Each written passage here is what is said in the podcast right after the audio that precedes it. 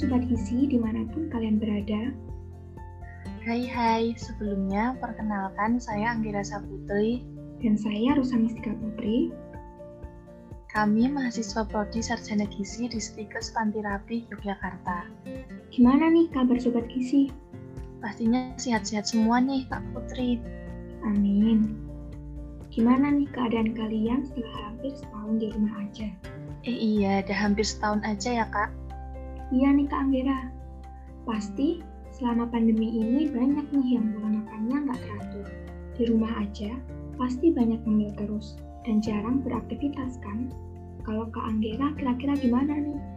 Bener banget tuh Kak Putri, selama di rumah aja banyak yang nggak kontrol, apalagi ngemil terus dan enggak diimbangi sama aktivitas fisik. Nah, maka dari itu, kami mau berbagi tips and trik nih buat Sobat Gizi. Kami akan berbagi informasi, tips, dan juga pesan agar Sobat Gizi dapat lebih memahami seputar gizi seimbang. Kita juga nggak cuma berdua nih Kak Anggera. Yap, benar. Narasumber kita hari ini yaitu Kak Yasinta Pramesti, mahasiswa Prodi Sarjana Gizi di Stikes Pantirapi. Halo Kak Yasinta. Halo Sobat Gizi semuanya. Kenalin, aku Yasinta, mahasiswi Prodi Sarjana Gizi di Stikes Mantirapi, Yogyakarta. Langsung aja nih Kak, kita mau tanya-tanya. Menurut Kak Yasinta, gimana sih tips and trik untuk mengatasi permasalahan pola makan yang kurang sehat?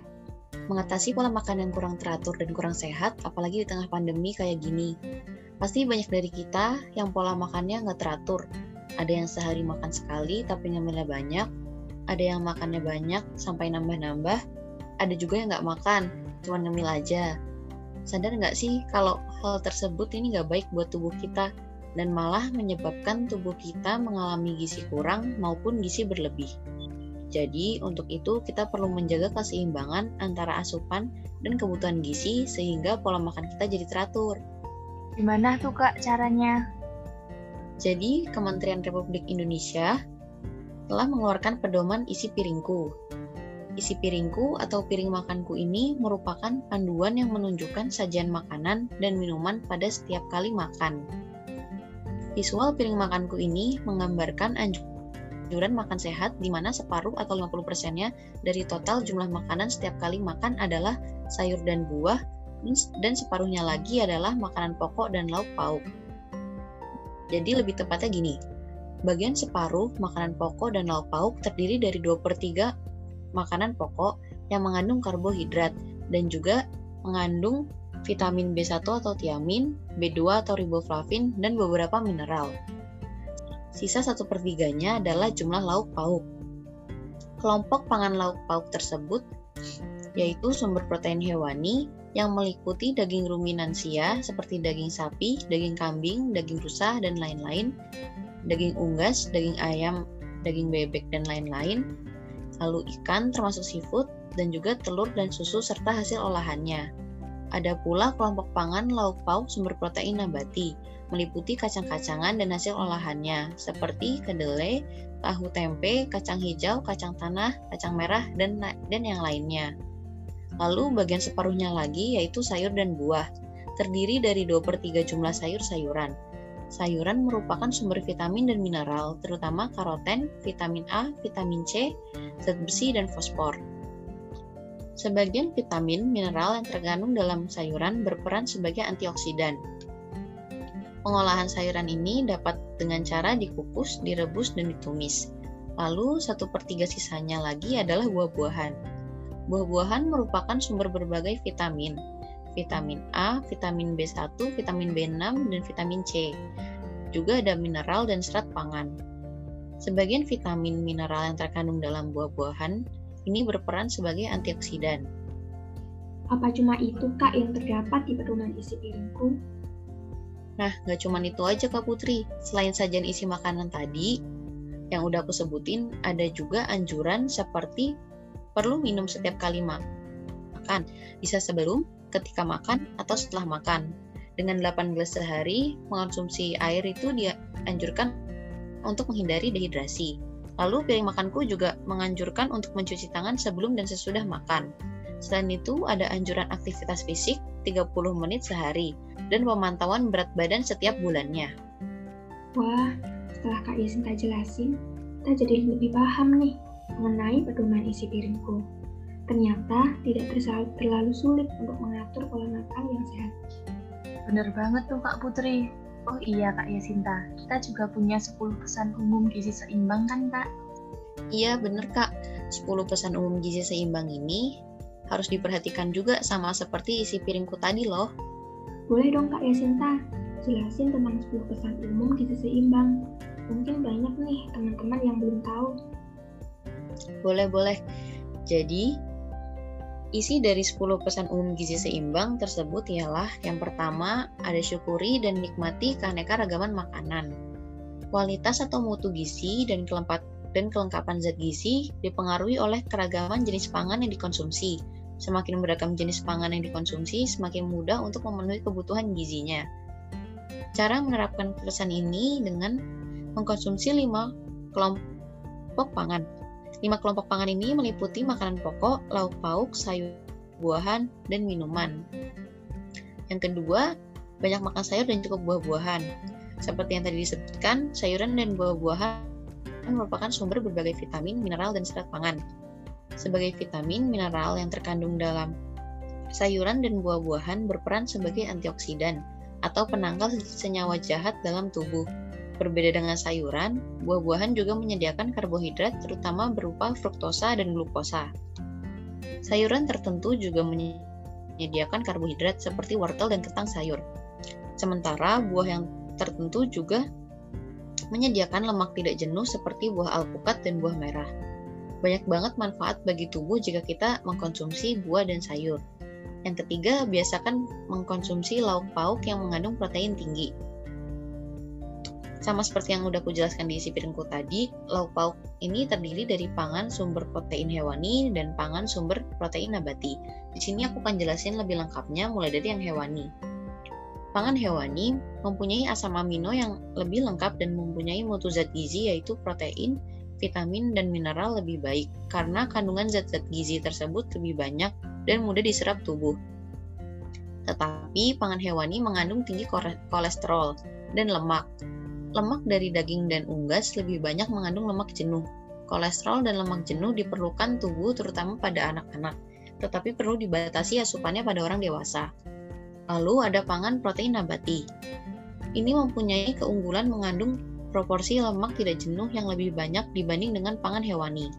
Juga mengandung isoflavon, yaitu kandungan fitokimia yang turut berfungsi mirip seperti hormon kewanitaan dan antioksidan serta anti kolesterol.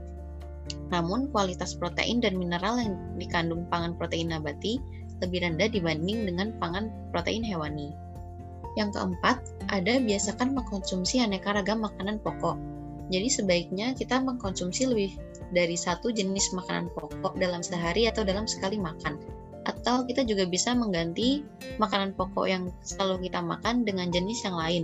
Contohnya seperti mengganti nasi dengan umbi-umbian seperti kentang, ubi, singkong, maupun bisa juga menggantinya dengan roti.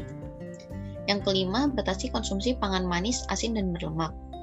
Konsumsi pangan manis, asin, dan berlemak yang berlebih dapat meningkatkan risiko hipertensi, stroke, diabetes, dan serangan jantung. Peraturan Menteri Kesehatan Nomor 30 Tahun 2013 tentang pencantuman informasi kandungan gula, garam, dan lemak, serta pesan kesehatan untuk pangan olahan dan pangan siap saji, menyebutkan bahwa konsumsi gula tidak lebih dari 4 sendok makan, dan konsumsi garam tidak lebih dari 1 sendok teh, dan konsumsi lemak atau minyak tidak lebih dari 5 sendok makan orang perharinya. Yang keenam, biasakan sarapan. Sarapan adalah kegiatan makan dan minum yang dilakukan antara bangun pagi sampai jam 9 untuk memenuhi kebutuhan gizi harian dalam rangka mewujudkan hidup sehat, aktif, dan produktif. Sarapan membekali tubuh dengan zat gizi yang diperlukan untuk berpikir, bekerja, melakukan aktivitas fisik secara optimal setelah bangun pagi dan sarapan terbukti dapat meningkatkan konsentrasi belajar dan stamina. Bagi orang yang tidak biasa makan kudapan pagi atau sarapan, bisa menggunakan porsi sarapan sekitar sepertiga dari total makanan sehari-hari. Selanjutnya ada biasakan minum air putih yang cukup. Air merupakan salah satu zat gizi makro esensial, yang berarti bahwa air dibutuhkan tubuh dalam jumlah yang banyak untuk hidup sehat. Dan tubuh tidak memproduksi air untuk memenuhi kebutuhan ini. Sekitar 2 per 3 dari berat tubuh kita adalah air. Bagi tubuh, air banyak berfungsi. Contohnya sebagai pengatur proses biokimia, pengatur suhu, pelarut, pembentuk atau komponen sel dan organ, media transportasi zat gizi, pelumas sendi, dan bantalan organ. Sekitar 78% berat otak kita adalah air. Setidaknya kita perlu mengkonsumsi 2 liter air per harinya sehingga kita terhindar dari dehidrasi. Selanjutnya, biasakan membaca label pada kemasan pangan.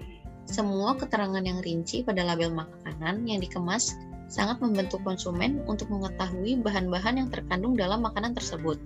Dengan membaca label dan mengetahui bahan-bahan yang terkandung, kita dapat mengatur asupan gizi terutama gula, garam, dan lemak. Lalu selanjutnya cuci tangan pakai sabun dan dengan air bersih mengalir. Cuci tangan pakai sabun dapat mencegah penyebaran penyakit. Sekitar 45% penyakit diare bisa dicegah dengan mencuci tangan. Mencuci tangan secara baik dan benar memakai sabun agar kebersihan terjaga serta mencegah kuman dan bakteri berpindah dari tangan dan ke makanan yang akan kita konsumsi. Kapan aja nih kita harus mencuci tangan dengan bersih dan memakai sabun, antara lain sebelum dan sesudah memegang makanan, sesudah buang air besar, sebelum memberikan air susu ibu, sesudah memegang binatang, dan sesudah berkebun. Oh iya, di pandemi seperti ini kita juga harus rajin mencuci tangan ya dengan sabun, apalagi setelah kita dari luar dan memegang banyak barang. Yang terakhir adalah lakukan aktivitas fisik cukup dan pertahankan berat badan normal. Nih buat sobat gizi yang selama di rumah rebahan aja atau jarang melakukan aktivitas fisik. Aktif, aktivitas fisik sendiri adalah kegiatan yang meningkatkan pengeluaran tenaga atau energi dan pembakaran energi. Aktivitas fisik ini dapat berupa exercise, workout, bersepeda, yoga, jogging, dan masih banyak pilihan yang lainnya. Cukup simpel dengan melakukan latihan fisik atau olahraga selama 30 menit setiap harinya atau minimal 3-5 hari dalam seminggu. Aktivitas fisik yang teratur akan meningkatkan kesempatan hidup sehat lebih panjang. Dasar sederhananya adalah dengan mempertahankan berat badan normal, dengan membantu tubuh menciptakan keseimbangan antara kalori yang didapat dan kalori yang digunakan atau dikeluarkan. Nah, jadi seperti itu kira-kira yang dapat aku jelaskan tentang 10 pesan umum gizi seimbang buat Kak Putri, buat Kak Anggera, dan buat Sobat Gizi semuanya. Wah, penjelasan Kak Yasinta lengkap dan mudah dimengerti ya. Bisa langsung diterapin nih buat Sobat Gizi yang di rumah. Kemarin, kita udah buka pertanyaan nih ke Sobat Gizi yang penasaran tentang pola makan yang sehat dan gizi seimbang. Udah ada beberapa pertanyaan yang terkumpul buat Kak Yasinta jawab. Langsung aja ya Kak. Oke oke. Pertanyaan yang pertama dari Kak Rinanda. Dalam isi piringku, mengapa disarankan mengonsumsi makanan pokok dan sayuran dengan jumlah yang sama dalam satu piringnya? Baik, jadi di dalam isi piringku disarankan untuk mengkonsumsi makanan pokok dan sayuran dalam jumlah yang sama agar kandungan gizi yang diterima tubuh dapat seimbang, yaitu antara karbohidrat dan berbagai vitamin hingga mineral, sehingga tubuh dapat menjalankan fungsinya dengan baik dan semua zat gizi terpenuhi. Selain itu, karbohidrat, vitamin, dan mineral juga menjalankan fungsi yang berhubungan, yaitu karbohidrat sebagai bahan bakar utama aktivitas metabolisme di dalam tubuh, sedangkan kandungan vitamin dan mineral dalam sayuran yang berperan dalam menjalankan proses metabolisme dalam tubuh. Pertanyaan yang kedua dari Kak Rindan. Mengapa porsi sayuran dalam isi piringku lebih banyak daripada lauk pauknya? Oke, oke. Jadi gini. Karena sayur dapat memenuhi kebutuhan nutrisi. Sayur merupakan sumber berbagai vitamin, mineral, dan serat pangan yang berperan sebagai antioksidan atau penangkal senyawa jahat dalam tubuh. Sayuran juga dapat menurunkan atau mencegah risiko penyakit serius seperti jantung, stroke, diabetes mellitus tipe 2, obesitas, dan beberapa jenis kanker. Sedangkan lauk pauk itu, terutama lauk pauk hewani, mengandung lemak jenuh yang kurang baik bagi tubuh, maka jumlahnya dibatasi. Nah, jadi begitu Sobat Gizi. Alasan kenapa porsi sayur dalam isi piringku lebih banyak dari lauk pauknya. Pertanyaan ketiga dari Kak Oci. Mengapa porsi makanan pokok hanya 2 per 3 dari piring? Padahal beberapa orang merasa tidak kenyang apabila mengkonsumsi makanan pokok dengan porsi 2 per 3 bagian dari piring. Dan apakah boleh bila menambahkan porsi makanan pokoknya? Jadi, dalam satu piring itu disarankan mengkonsumsi makanan pokok sekitar 150 gram nasi, setara dengan 3 centong nasi atau tiga buah kentang ukuran sedang, ya kira-kira 300 gram. Atau bisa juga satu setengah gelas mie kering, yang beratnya kira-kira 75 gram. Porsi tersebut sesuai dengan kebutuhan tubuh, dengan memperhatikan prinsip keanekaragaman pangan dan aktivitas fisik. Jika porsi ditambah, tentu akan melebihi dari jumlah yang dibutuhkan tubuh dan makanan pokok sebagai sebagian besar mengandung karbohidrat yang dapat memicu penyakit seperti obesitas. Jadi sebaiknya nggak usah ditambah lagi ya.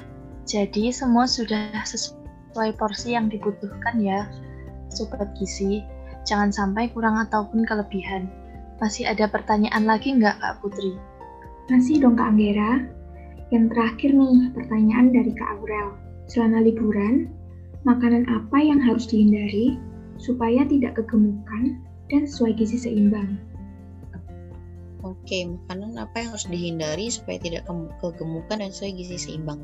Jadi, makanan yang harus dikonsumsi sesuai dengan isi piringku yang sudah yang sudah disesuaikan dengan kebutuhan tubuh ya.